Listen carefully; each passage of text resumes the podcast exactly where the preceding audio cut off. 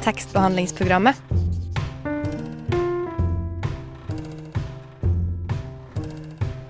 Tekstbehandling på radio.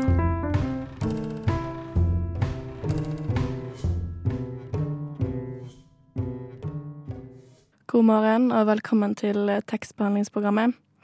I dag så skal vi inn i et nytt litterært univers. Vi skal nemlig tilbake til København på 1950-tallet. Og vi skal tilbake til Budapest rett før første verdenskrig. Fordi i studio i dag så har vi med Kristine Refstrup, eh, som har skrevet boken 'Jernlungen'. Og den skal vi snakke mye mer om, så følg med. Jeg vil skåle for Friedrich Nietzsche. Skål! Godgutten. Tekstbehandlingsprogrammet for deg som liker Nietzsche Som forresten bare, bare drakk melk. eller melk. I studio så er det meg, Alva Nomdal Kjensli, og så har vi med Hanna Davidescu. Hva har skjedd siden sist, Hanna? Du har jo vært ute i verden. Ja, du, jeg har vært i Edinburgh ehm, og besøkt to venninner av meg til 17. mai. Eller for 17. mai, blir det vel egentlig.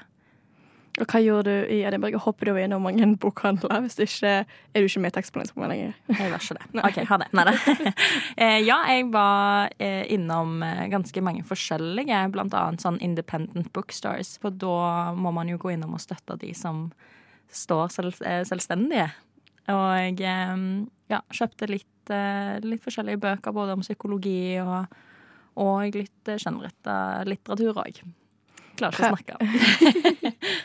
Hva er den, eh, den første på lista di i den bunken der, da? For nå har jo, vi har jo lest Jernlungen nå, som vi snakker om senere. Men nå er jo den lest ferdig, så nå er det jo nytt prosjekt på gang. Kanskje? Eh, ja, nå eh, når eksamen er ferdig, da skal jeg lese masse. Så jeg kjøpte spesielt en psykologibok som jeg eh, ikke husker navnet på. Men den handler da om eh, psykologien bak eh, vaner og hvordan du kan lage deg gode vaner, og hvordan du kan få vekk dårlige vaner. Så jeg gleder meg veldig mye til å lese den, så kanskje jeg får litt bedre kontroll på eksamen til neste år. Det er lov å håpe. Det er lov å håpe. Ja.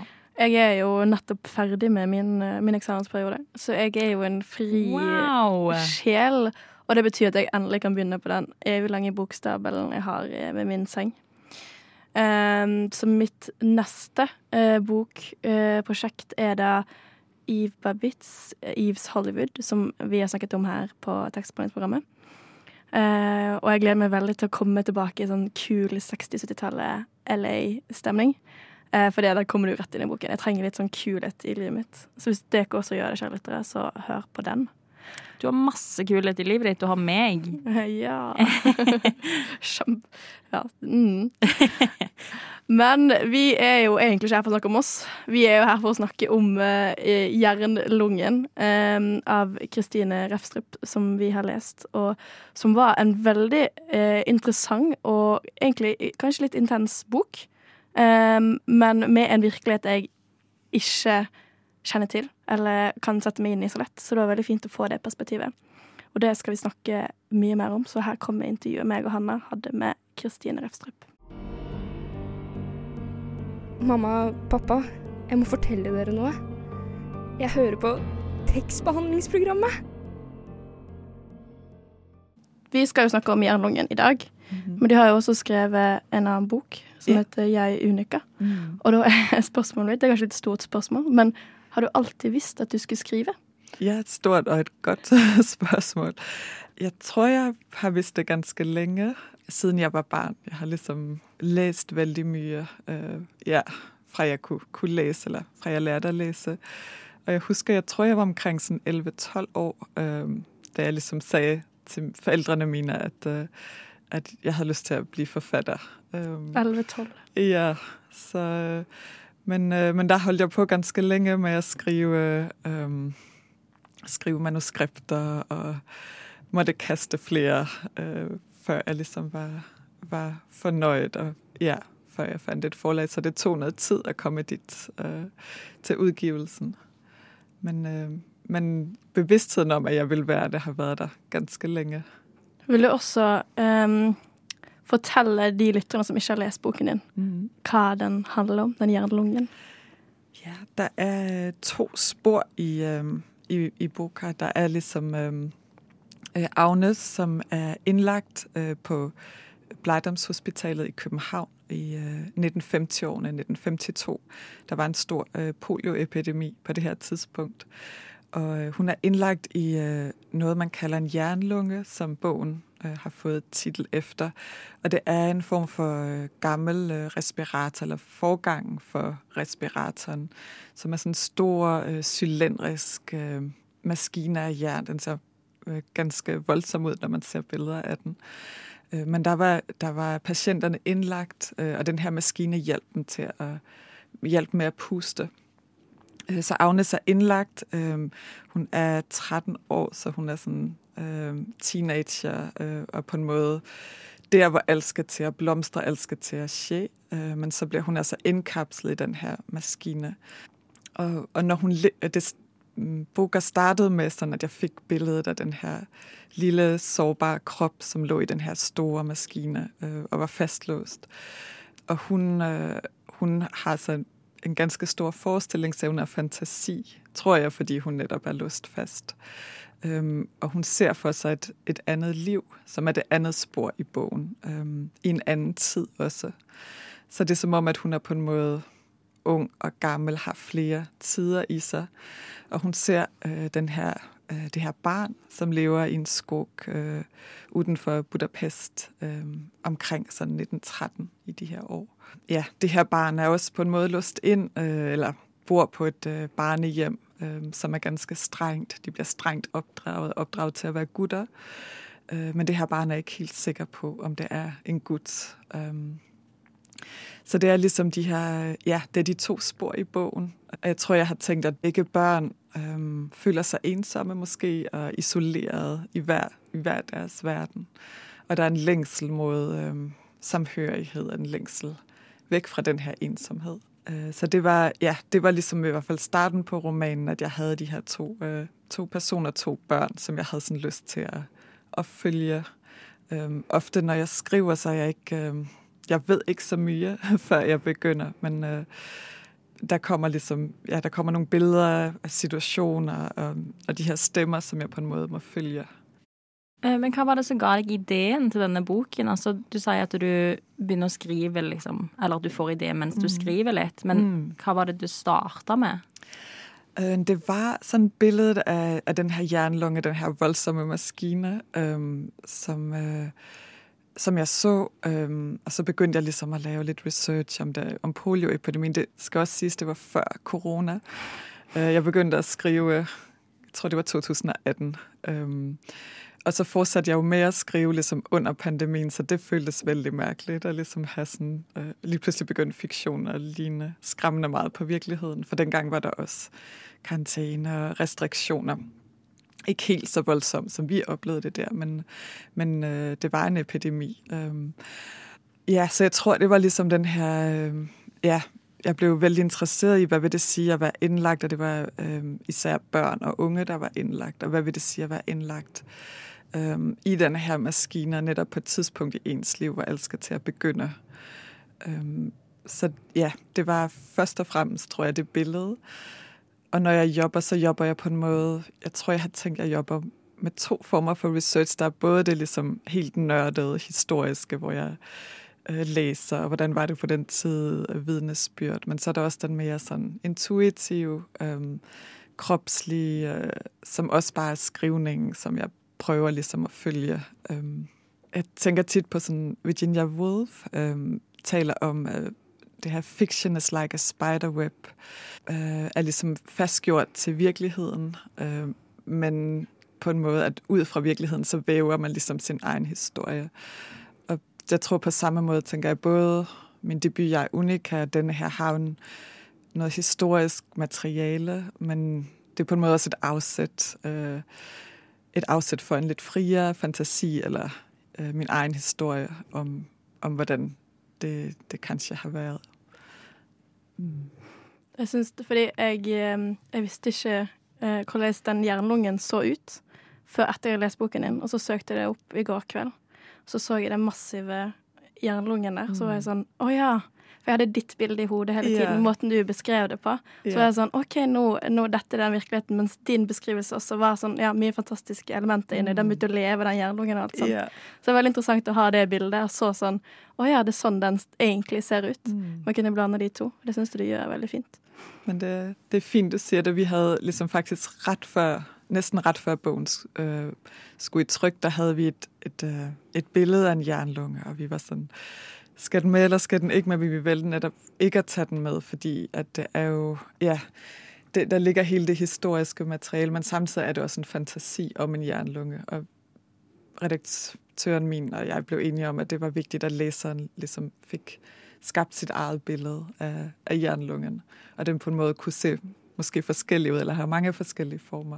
Ja, for du blander jo ja, fantastiske elementer med den virkelighetsnære. Øh, er det noget, du også har gjort i ditt for... Er det noe du alltid har gjort, eller er det noe du er veldig bevisst på? Kommer det naturlig, eller er det Jeg, jeg tror, det, det kommer liksom når jeg skriver, eller på en måde tænker jeg også, eller måske tænker jeg det lige så meget som, at det er en form for udvidelse af virkeligheden, eller en udvidelse af den ligesom, ja, virkelighed eller hverdag, vi går rundt i. Øhm, I Jeg Unika, der var, eller som kanskje jeg bare lige skal sige kort, at den handler om en, en øh, eller den tog afsæt i en tysk kunstner, der hed Unika Syren, og hendes liv. Øhm, og der er en, øh, øh en dukke, øh, en skulptur, som hende og hendes partner skaber sammen. Øhm, og den her dukke begynder på en måde at tale. Så, så der er nok nogle, nogle øh, fantastiske elementer i, men samtidig tænker jeg også, at, at det på en måde... Øh, i tilfældet med, med Unika Syren, der var det også, tænker jeg, det var måske var noget, som var mere tro mod hendes virkelighed. Hun havde oplevet krigen og levet i, i sådan et mærkeligt surrealt univers. Øhm, hun var også selv kunstner og skabte de her vilde, fantastiske tegninger. Øhm, men at, at man måske, ja, at det er i hvert fald en anden måde at nærme sig virkeligheden på, øhm, som kan være sandt på en anden måde end sådan en helt øh, ja, realistisk beskrivelse øh, af den verden, vi ser. Så jeg tænker nok, at der er, ja, der er ligesom mere end det, vi bare kan se, eller det er sådan, ja, øh, også i fiktion. Men, men ofte så er det jo noget, jeg bare, altså jeg følger sådan ligesom skriften, eller jeg følger sproget, når jeg skriver, og så, så bliver det, som det bliver. Men gjør du veldig mye research på forhånd? Med tanke på liksom den jernlungen og, og den sykdommen, har du lest deg opp på det på forhånd? Øh, ja, altså jeg tror, det er, som jeg også var lidt inde på før, det er meget en sådan vekslen, at jeg, hvis jeg kan, så, så kan jeg godt lide at rejse hen og se de steder, jeg skriver om. Og jeg kan også godt lide at læse, ligesom være lidt, være lidt nørdet med, ligesom at, at læse mig ned i, uh, i den tid også, jeg skriver om. Men samtidig så har jeg også nogle gange brug for at lægge det hele fremme og på en måde øh, glemme lidt det, jeg har læst. Og så, så netop for, at, at personerne skal få lov til at leve øh, af sig selv, eller sådan, at de ikke bliver sådan for meget skabeloner, men at det er noget, at ja, på et tidspunkt, så tror jeg, at de personer, jeg skriver om, de får ligesom deres eget liv, og føle sådan næsten lige så levende, som ja, hvis de havde levet dengang, eller som om, at de lever samtidig med mig nu også. Øh, og så, så er det jeg på en måde, ja, så tror jeg, jeg lægger, jeg lægger det, jeg har læst fra mig, og så, så bare følger, følger fortællingen. Eller, ja. Så det er nok sådan en vekslen øhm, mellem ja, forskellige former for research, og så også bare at være i det med ligesom kroppen og sanserne. Øhm, jeg tror også nu, fordi at øhm, i, øh, i bogen her, der er der jo ligesom øh, steder, som læseren måske ikke er bekendt med. Der er både jernlungen og epidemihospitalet, og så er der øhm, den her skog øh, i Østrig-Ungarn. Så har jeg også prøvet sådan at, øh, så godt jeg kunne at ligesom beskrive sådan med sanserne øh, og forestille mig meget konkret de her rum. Hvordan lugtede der, hvordan så der ud, hvordan har det føltes at være, hvordan har det føltes at være indkapslet i den her maskine. Så der er også en form for måske mere kropslig research også i det, tror jeg. Øhm, det, der så var lidt særligt ved, ved romanen her, var, at, øhm, at den anden del foregår i, i Budapest og uden for Budapest. Og, og med en gang jeg begyndte at skrive, så tænkte jeg, jeg må dit, jeg må ligesom... Øh, jeg må dreje dit til stederne, jeg skriver om. Øh, men så kom corona og lockdown, så der gik faktisk flere år, øh, hvor jeg så alligevel skrev Budapest frem. Så det er jo nok først og fremmest været ja, min egen forestilling. Øh, og så kom jeg mig til sidst øh, til Budapest, øh, da man kunne begynde at rejse igen. Og der var det sådan en mærkelig følelse af, at man, det stemmer meget godt med det, jeg havde forestillet mig. Forandrer du noget, efter du havde været der? Øh, nej, jeg tror, jeg skrev lidt til. Øh, mere det måske. Øh, så det, det, ja, det var mest noget med måske også at opleve øh, stemningen af byen. Som, øh, som mærkeligt nok på en eller anden måde stemte meget godt overens med det, jeg havde skrevet. For du har jo et veldig sådan poetisk og sanselig og veldig sånn kroppslig språk når du skriver. Mm. Um, og så er du jo dansk, men du skriver på norsk. Jeg bare lurer på hvordan de to språkene eh, Hvordan jobber du med de to språkene? Mm. Øhm, jo, altså jeg, ja, jeg er født og opvokset i Danmark, og så kom jeg til Norge for første gang i 2010. Jeg blev optaget på Skrivekunstakademiet i Bergen. Så, så det var ligesom at komme øh, det var en veldig stor åbning for mig, ligesom både at have et sted at gå hen og møde andre, som skrev. Øhm, og samtidig var det også sådan, at øhm, jeg blev for alvor også introduceret til den norske litteratur, øh, som jeg selvfølgelig havde læst før, men, men på en anden måde. Øhm, og så har jeg jo bosat mig her, øhm, og boet her en del år, så, så efterhånden så føler jeg, at, at begge sprog er lige vigtige, øhm, når jeg skriver. Øh, fordi jeg også læser, læser meget på norsk. Øhm, og det er blevet en del af min hverdag også. Så nu er det ligesom næsten, at der, der er på en måde to originaler, når jeg skriver. Jeg har den danske og den norske. Og nogle gange så kommer sætningerne også på norsk, og så må jeg ligesom oversætte den anden vej. Så, så ja, jeg tænker efterhånden, at det er blevet så meget en del af skrivningen, at, det, at jeg føler mig lige så meget som en norsk, som en dansk forfatter. Øhm, og det også, tror jeg, når jeg ja, har skrevet bogen i hvert fald, at, at det også, altså det ikke bare en oversættelse, men at det på en måde blev to originaler. Der er også måske bitte små ting, som, som jeg, jeg nok kun ved er, er lidt forskellige i hver, i hver øh, bog, eller i den danske og norske udgivelse. Og det har jeg jo så lidt lov til at tage mig nogle friheder, når jeg, når jeg er min egen oversætter. Absolut, det ja. må jo være fordel. ja, ja. Har du lyst til at læse lidt på boken nu? Ja, øh, jeg tænkte, jeg kunne læse øh, helt fra starten. Og der, øh, ja, der møder vi øh, Agnes i, i jernlungen. Her er det, jeg ved. Jeg blev født to gange. Den første gang på nytårsnatter i en anden by, under et andet tak i Europa. I en revne mellem to og hundrede sprængte jeg hende. 12 slag, og klokkerne ringte året ind.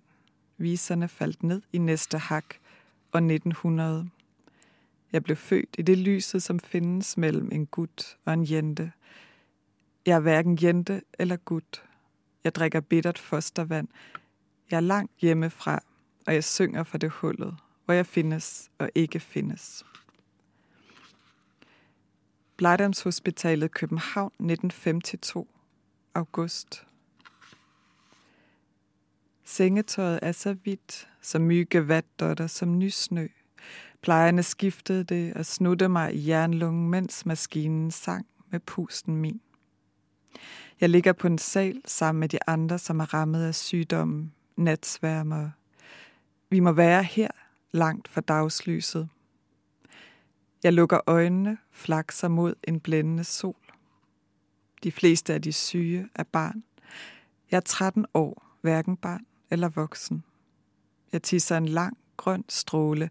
Urinen lugter stramt og sødt.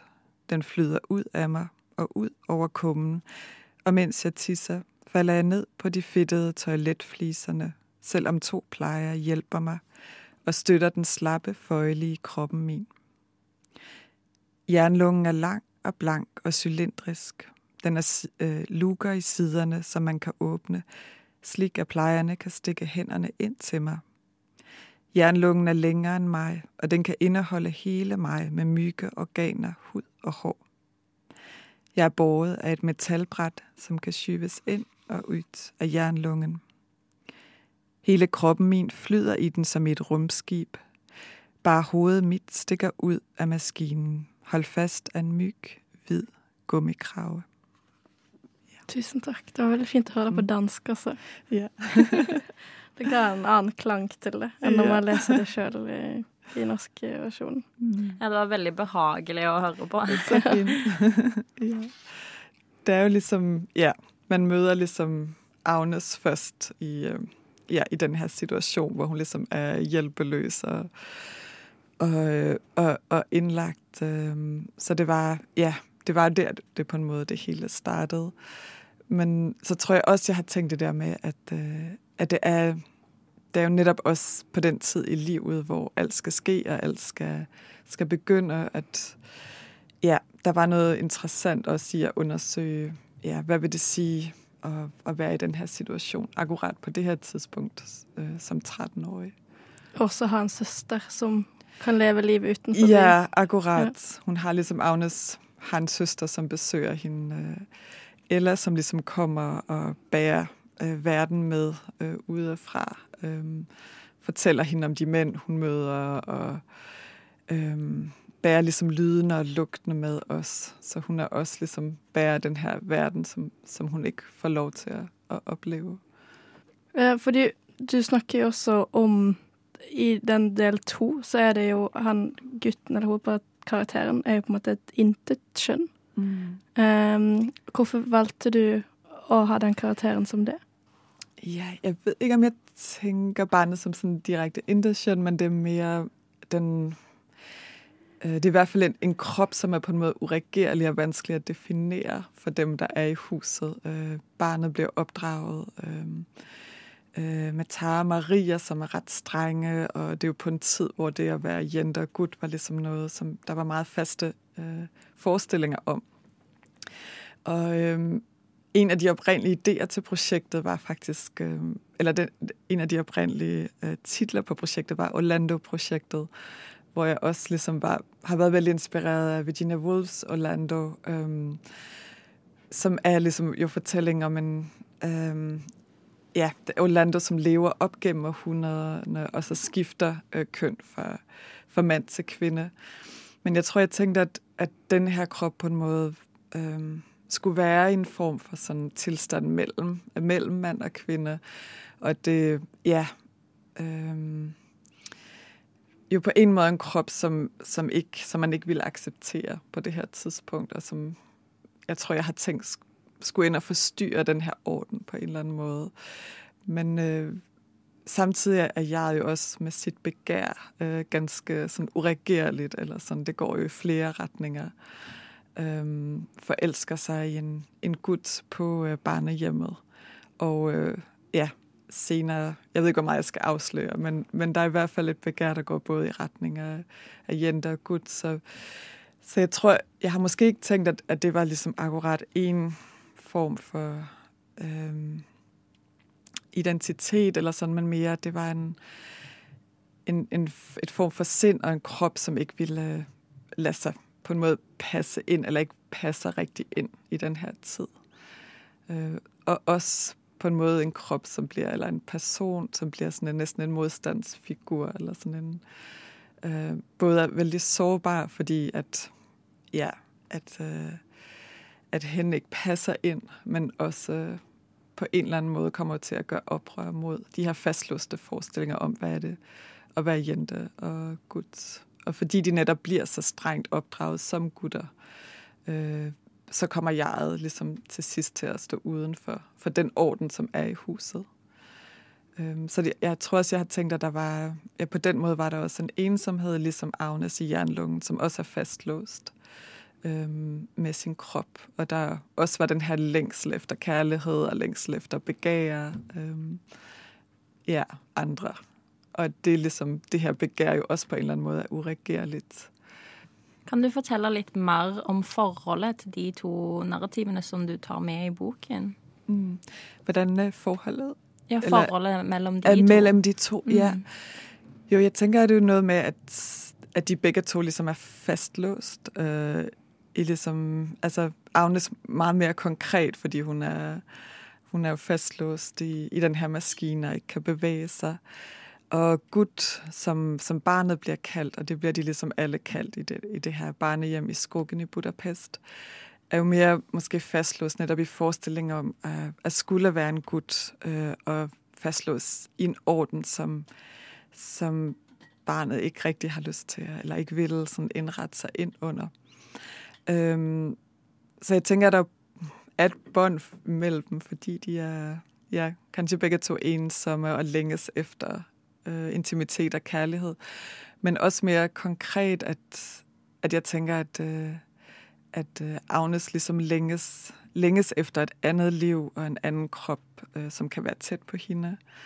Øh, så det på en måde også bliver hendes øh, fantasi om et andet liv, eller øh, en anden person, som er tæt på hende. Måske for at få den der nærhed, hun ikke har.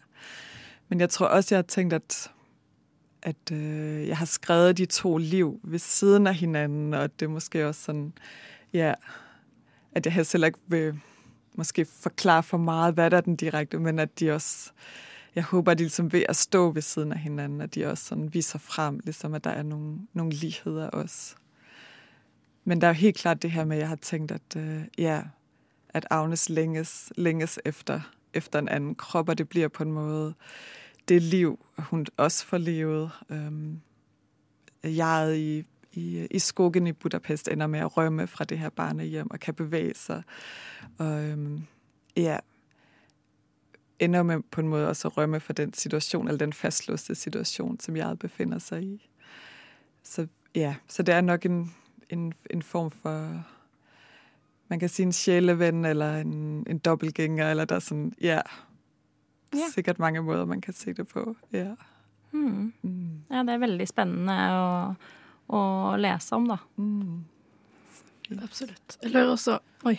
Det er veldig um, For du har jo Tempoet ditt skifter jo på en måte litt i boken. Du har jo en veldig sånn sånn poetisk, svevende språk, og så plutselig blir det veldig grafisk på noen ting. For eksempel spesielt en episode på slutten av boken der, uh, der Jeg skal ikke avsløre for mye for lytterne. Men i slutten av boken blir det veldig veldig grafisk. Er det også en del av din skriveprosess? Eller er du sånn ok, nå vil jeg inn og beskrive det grafisk? Eller kommer det på en måte veldig naturlig? Uh, yeah. Eller kroppslig er vel kanskje yeah. et bedre ord? Ja.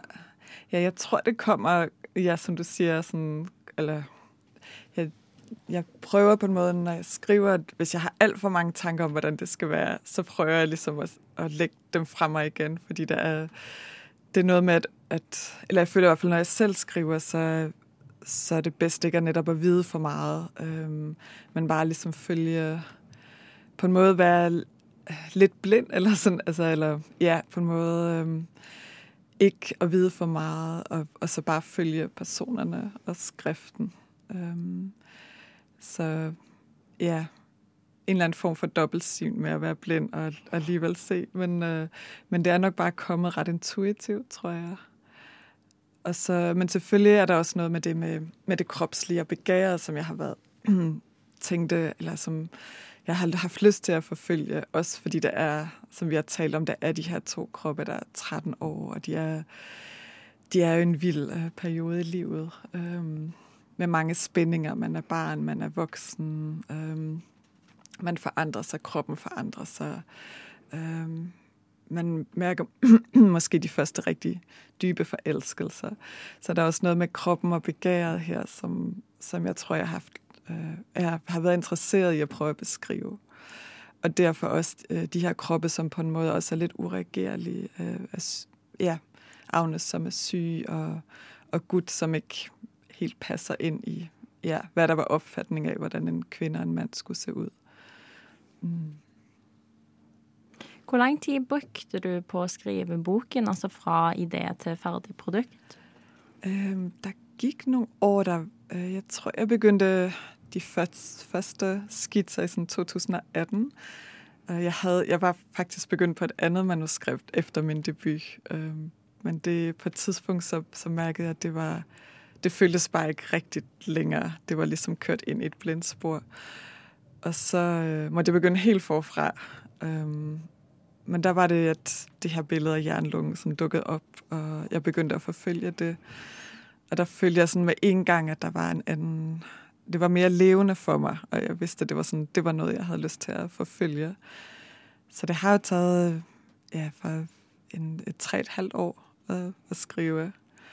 Jeg tror, jeg hører til de lidt mere langsomme forfattere. Jeg sådan, ja, øhm, der er både den der fase med ligesom at få ideen, og så øh, måske lave research, øh, men også bare give sig tid til ligesom at, og, øh, og, øh, og lade sig på en måde give sig tid til at opsluge af universet. Det kan være sådan en ganske opslugende proces, i, også især mod slutten.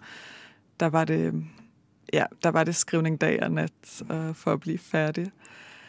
Øhm, jeg tænker også nogle gange på det her med at skrive som en næsten sådan en form for besættelse, eller sådan, øh, at det, der er noget med det her, det her, hvis man slår det op i ordbogen, altså besættelse, så står der, at det er noget med, at man bliver besat af nogen, øh, at være, eller at være optaget af noget i en sådan helt manisk grad. Øh, øh, så det, ja, jeg, jeg føler, at der er noget med, med, med skrivning, som kan minde lidt om, man, man hører pludselig stemmer, man er ligesom inde i det her univers, som er sådan en form for dobbelt, øh, dobbeltverden, eller ja, man lever næsten sådan et dobbelt liv. Så det kan det godt føles som om i de mest intense faser af, af skrivningen. Ja, så for mig så er det, jeg, jeg tror, det er ligesom en ganske sådan langstrakt øh, proces. Øh, ja. Jeg har bare et siste spørsmål ja. kanskje også, som må litt tilbake igjen til det der men du sa at sånn det er besettelse, eller det å skrive, at man kommer mm. inn i et univers og lever på en måte dobbeltliv. Mm. Hvordan kommer du deg ut av det? Eller kommer du deg ut av det når du er ferdig å skrive, eller lever de karakterene fortsatt i deg? Um, Ja, på en måde. På, øhm, jeg tror, jeg føler, at når, når jeg ligesom står med den trygte bog i hånden, så er der et eller andet med, så, har, så er det, altså, der er det kanskje først der, at det for alvor føles afsluttet.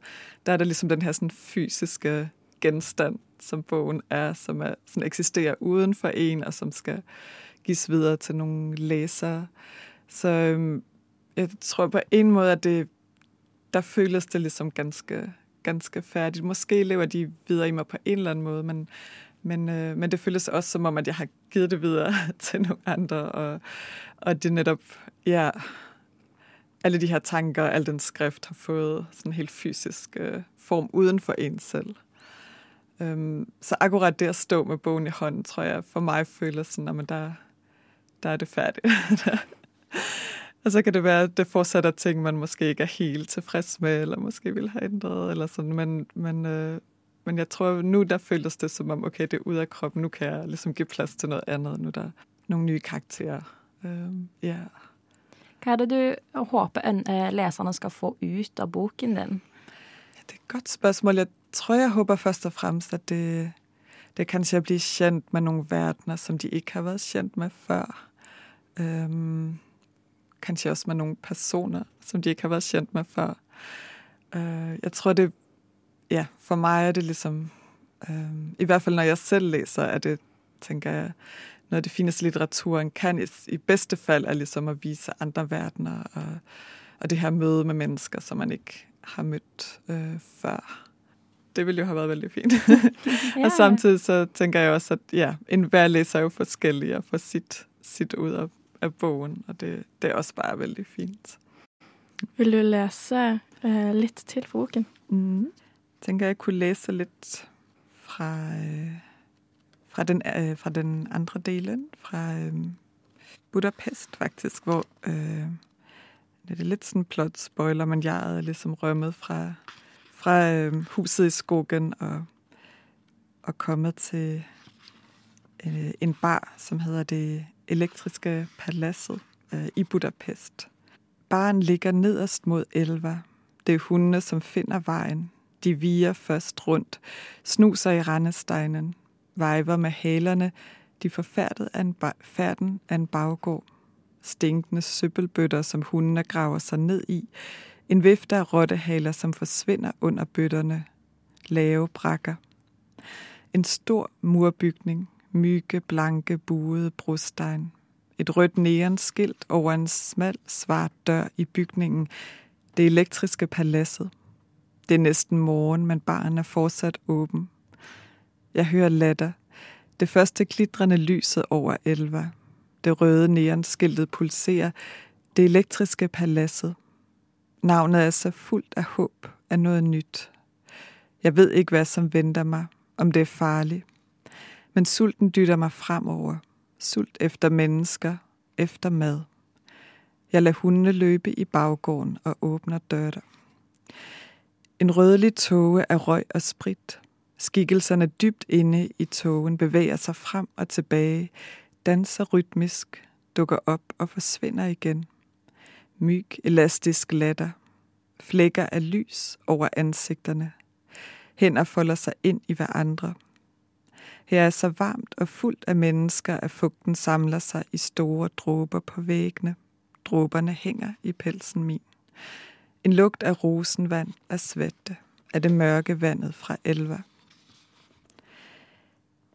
Baren er polstret med lilla og rødt stof. Bardisken og væggene, det lilla og røde, er overalt.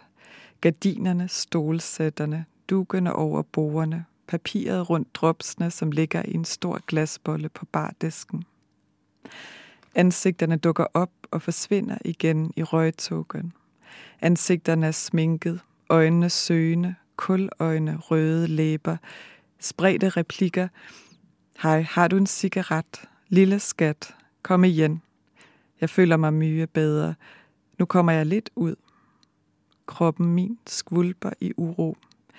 Det store duvende savehovedet er blevet tungt at bære. Pelsen krøller sig over marken, over skuldrene, blåagtig af muk. Ulla falder af i tjafser, og skinnet lugter så stærkt, at jeg er ret, de andre skal kaste mig ud igen. Men jeg har lyst til at svare dem, tage på ansigtet deres, den myge huden og håret, kende på de malte læberne, og gennem togen, som fylder hele lokalet, tyk, som om den havde sted op fra elva, ved at råbe, her er jeg. Kan jeg få et glas mælk? Jeg tager mod til mig og spørger i baren. Ikke noget andet, bare et stort, varmt glas mælk.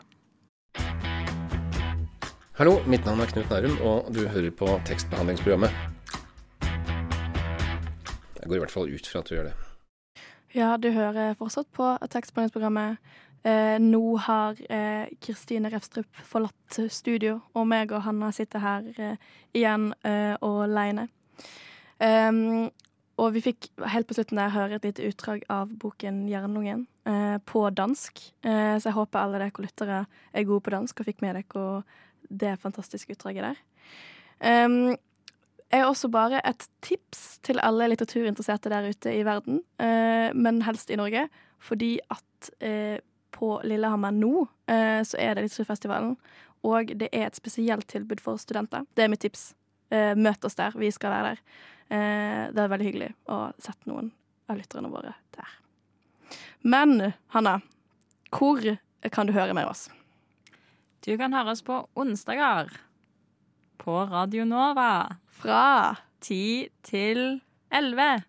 Og ellers, da, hvis man ikke er live? Da kan du høre det som podkast, enten på Radio Nova eller på Spotify, eller hvor enn du hører på podkast.